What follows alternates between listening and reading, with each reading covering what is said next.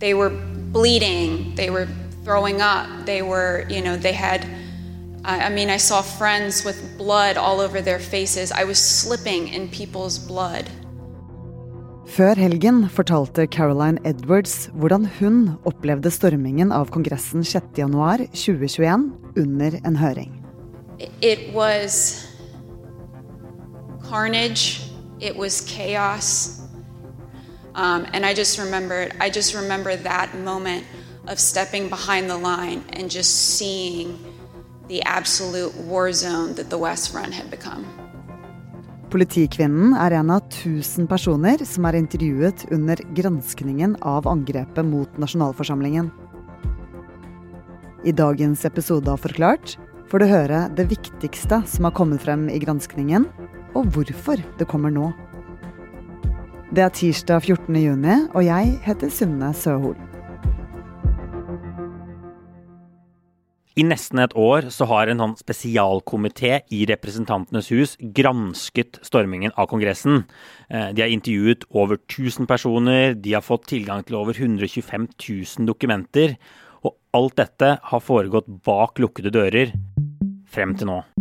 Øystein Kløvstad Langberg er Aftenpostens USA-korrespondent og har fulgt etterspillet av kongressstormingen tett. Før helgen så begynte granskerne, denne komiteen, endelig å legge frem sin sak offentlig. Og Formelt sett så kalles dette en høring, men det er jo egentlig mye mer enn det. Det er en veldig sånn stram eh, presentasjon, noen har kalt det en powerpoint-presentasjon, eh, som foregår i beste sendetid, sånn at de store TV-kanalene skal sende dette i sin helhet. Og der de har hyra inn en kjent amerikansk TV-produsent, dokumentarfilmskaper, for å lage så bra TV som overhodet mulig. Så noen vil jo kalle dette for et, et sirkus. Eh, og Det spilles av masse veldig korte videosnutter, politikere som holder korte, stramme innlegg. Eh, og så forteller enkelte vitner sine fortellinger live eh, på TV. Og historiene de forteller, handler om det som skjedde i hovedstaden på en dato de færreste amerikanere kommer til å glemme med det første. 6. januar 2021.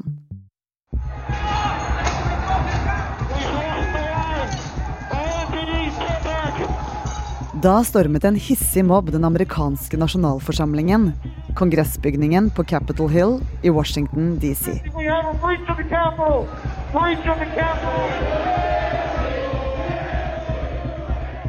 Det skjedde etter at daværende president Donald Trump i ukevis hadde nektet å godta at han tapte valget mot Joe Biden.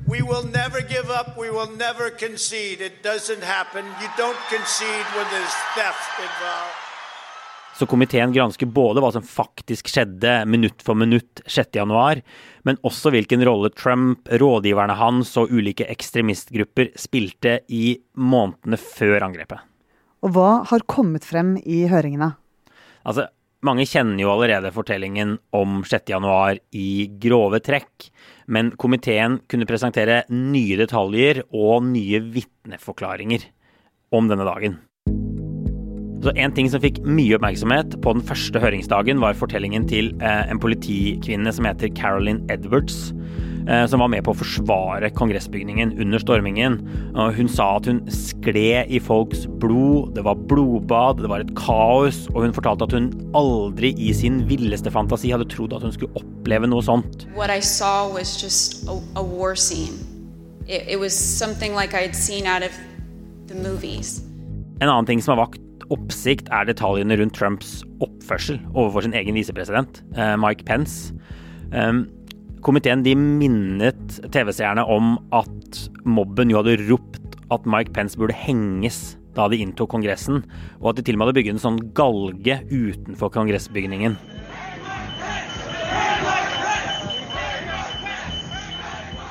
Og ifølge vitner komiteen har intervjuet gjennom sin granskning, så skal Trump ha sagt om denne Hang Mike Pence-ideen at kanskje tilhengerne våre har rett. Mike Pence fortjener det. Og det er jo en ganske sånn sjokkerende uttalelse eh, om en mann som har vært så viktig for Donald Trump. And aware of the rioters' chance to hang Mike Pence, the president responded with this sentiment quote, Maybe our supporters have the right idea. Mike Pence, quote, deserves it. Et helt sentralt spørsmål rundt stormingen har jo hele tiden vært hvor spontan var angrepet på Kongressen? Eller hvor planlagt var det? Eh, og granskerne de fokuserte på ulike ekstremistgrupper som Oathkeepers og Proud Boys, og argumenterte for at de faktisk spilte en veldig viktig rolle da Kongressen ble angrepet. Eh, de sier at de planla det på forhånd, at det var eh, ekstremistgrupper som brøt de første barrikadene og knuste de første vinduene i, i, Kongressen. Og De hadde også med et intervju med et medlem av Proud Boys som fortalte at de oppfattet det som at de handlet på ordre fra Donald Trump. Men av alt det som skjedde i den første høringsdagen, så var kanskje det mest overraskende at en av Trumps nærmeste gikk imot ham. Rådgiveren hans og datteren hans, Ivanka Trump.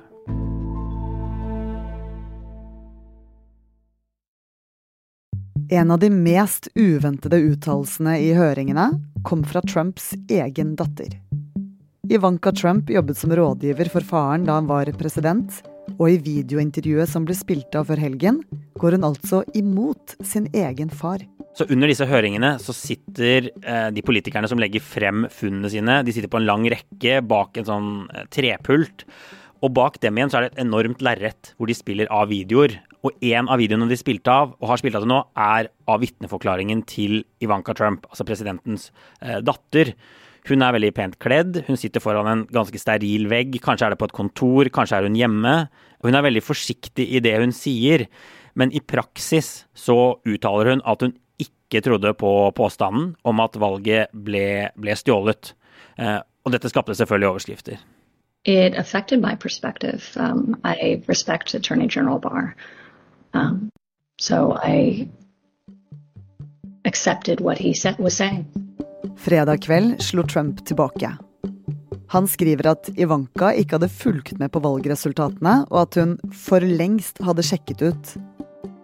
Ivanka Trumps forklaring var likevel viktig for granskningskomiteen.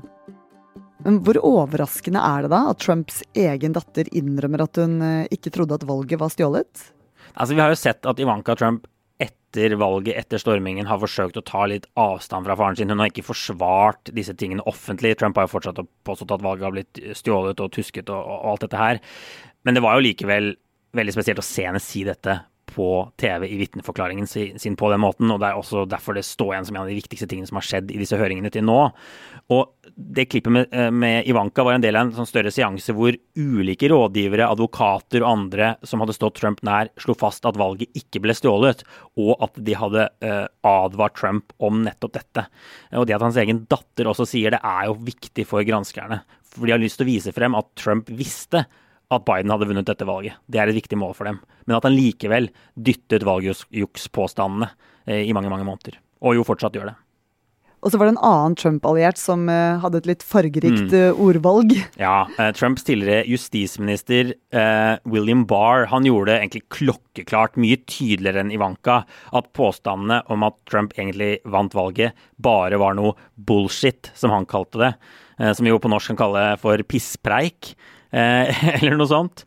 Igjen et sentralt vitne som er viktig for, for granskerne. Altså Justisministeren er jo noen av de som står presidentene aller, aller nærmest. I made it clear I did not agree with the idea of saying the election was stolen and putting out this stuff, which I told the president was bullshit. Etter to høringer, før helgen og i går, har granskningskomiteen allerede lagt fram flere nye videoklipp og intervjuer. Mange av de mest slagkraftige i beste sendetid på TV. Men høringene er langt fra over. Nei, totalt så gjenstår det nå fem dager med høringer, og målet er at alt skal bli ferdig i løpet av juni. Um, Liz Cheney, som jo er en av bare to republikanere som sitter i denne granskningskomiteen, hun lettet litt på sløret eh, om hva de vil konsentrere seg om videre, og hvilken historie de ønsker å fortelle det amerikanske folk. Man kan jo si at den første dagen, den store, store dagen hvor de sendte det til beste sendetid, det var en slags teaser om hva som vil komme videre. De gikk på en måte gjennom hva, de, hva planen er. Også i går, under den andre høringen, så forsøkte de i detalj å vise at Trump visste at han hadde tapt valget.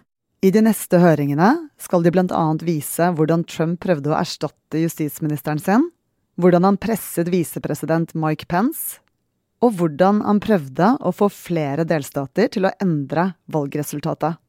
Og i de to siste rundene med høringer så skal det handle om at Trump var den som oppildnet folk til å angripe Kongressen, og at han lenge nølte med å stoppe volden. Altså det er målet å nagle Trump direkte til alt som skjedde 6.1.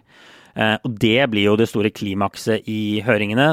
Da skal det igjen sendes i beste sendetid, og målet er å få så mange amerikanere som mulig til å sette seg ned og se på det. Men dette er jo ikke første gang Trumps medvirkning til hva som skjedde 6.1 er tema i Kongressen. Etter stormingen ble han stilt for riksrett for andre gang. Men kollegaene i det republikanske partiet frikjente ham for andre gang. Så hva er poenget med disse høringene nå? Jeg tror folk har litt ulike ideer om hva som er hensikten og målene med høringene. Adam Kinsinger, som er en av de to republikanerne i komiteen, har uttalt at denne vil endre historien. Eh, altså, Den vil få frem hvem Trump virkelig er, og sjokkere det amerikanske folk. er på en måte hans idé for disse høringene. Og så vil andre si at granskningen i seg selv er viktig nesten uansett hva utfallet blir. Det er rett og slett eh, sentralt å komme til bunns om hva som faktisk skjedde på denne svært dramatiske dagen i USAs historie, og kanskje vedta lover som gjør at dette aldri kan skje igjen. Ja, Kan det føre til at uh, Donald Trump blir stilt for retten på ny? Altså, Politikerne i den komiteen, granskningskomiteen, de har ikke makt til å stille noen for retten. De kan kun legge frem sine funn. Men Justisdepartementet i USA kan i prinsippet stille Trump for retten. Og det er vel et håp blant noen i komiteen at det de skal legge frem er så bra og så overbevisende om at, just, at Justisdepartementet føler de har en sak til å ta Trump for retten. Men det er jo foreløpig høyst usikkert om det vil skje. Han er ikke bestilt for retten ennå. Men hvis Trump ikke blir stilt for retten, er det andre grunner til å gjennomføre disse høringene? Hm, ja, altså Republikanerne hevder jo at hele høringen er unødvendig, politisk motivert. De ønsker egentlig ikke å komme til bunns i hva som skjedde 6.1. De ønsker bare å sverte Donald Trump, er det de hevder.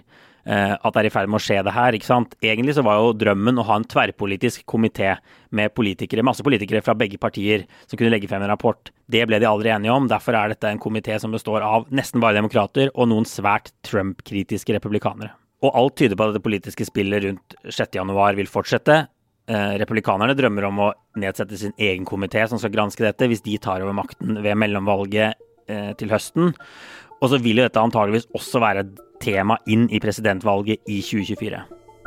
For mens vi har vært opptatt med pandemi og krig i Europa, så har de to første årene til Biden rast av sted.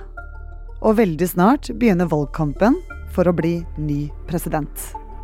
Trump har fortsatt ikke annonsert at han stiller som presidentkandidat i 2024, men han hinter stadig vekk om det. Ingen vet helt sikkert om Trump planlegger comeback, men det er mye som tyder på at det er reelt. Eh, TV-kanalen NBC publiserte nylig en sak som slår fast at Trump rett og slett sitter og klør i fingrene etter å kunngjøre sitt eh, kandidatur. Eh, og det pågår nå da visstnok i Trump-leiren en debatt om hvorvidt han bør si at han stiller igjen før mellomvalget i november eller etter. Eh, og visstnok har Trump selv pushet på for å kunngjøre allerede nå i juli at han vil gjøre comeback. Hvordan kan eh, disse høringene påvirke 2024-valget? Er komiteens argument, historien de forsøker å fortelle, er at Trump er en president som skiller seg fra alle andre amerikanske presidenter i historien. På den første dagen med høringer så hadde de et notat fra Abraham Lincoln, som jo ofte rangeres som den beste presidenten i USAs historie, der han skriver at det er hans plikt altså Lincolns plikt, å godta et valgnederlag, selv om USA da sto midt i en borgerkrig. Og De bruker det brevet, det notatet, til å tegne en kontrast til Trump, som eh, komiteen da mener har gjort noe helt utilgivelig. Han, har, han, er en slags autoritær leder som var villig til å forkaste Grunnloven for å klamre seg til makten i et valg han hadde tapt. Eh, så ved å på en måte spisse disse, disse, tingene de har funnet, og kjøre høringen i beste sendetid, så håper de å overbevise enda flere om at Trump ikke er skikket til å være president noen gang igjen. Jeg tror du de vil klare det, da? Nei, Det er nok grunn til å være skeptisk til det.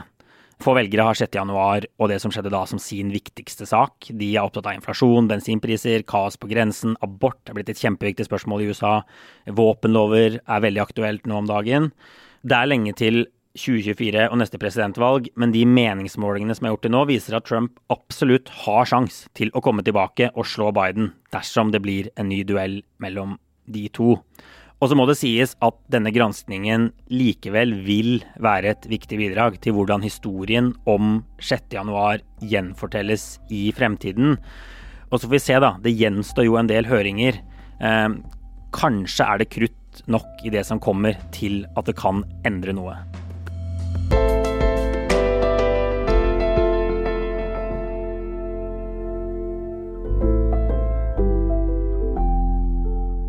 Takk til USA-korrespondent Øystein Kløvstad Langberg, som fortalte oss om høringene etter kongressstormingen i fjor. Lydklippene er hentet fra nyhetsbyrået AP. Denne episoden er laget av produsent David Vekoni og meg, Synne Søhol. Resten av Forklart er Jenny Førland, Marit Eriksdatter Gjelland, Anne Lindholm, Fride Næss Nonstad og Anders Weberg. Vi i Forklart er tilbake i morgen med en ny episode om en aktuell nyhetssak som vi er alle hverdager. Du kommer alltid til å finne oss der du hører podkast.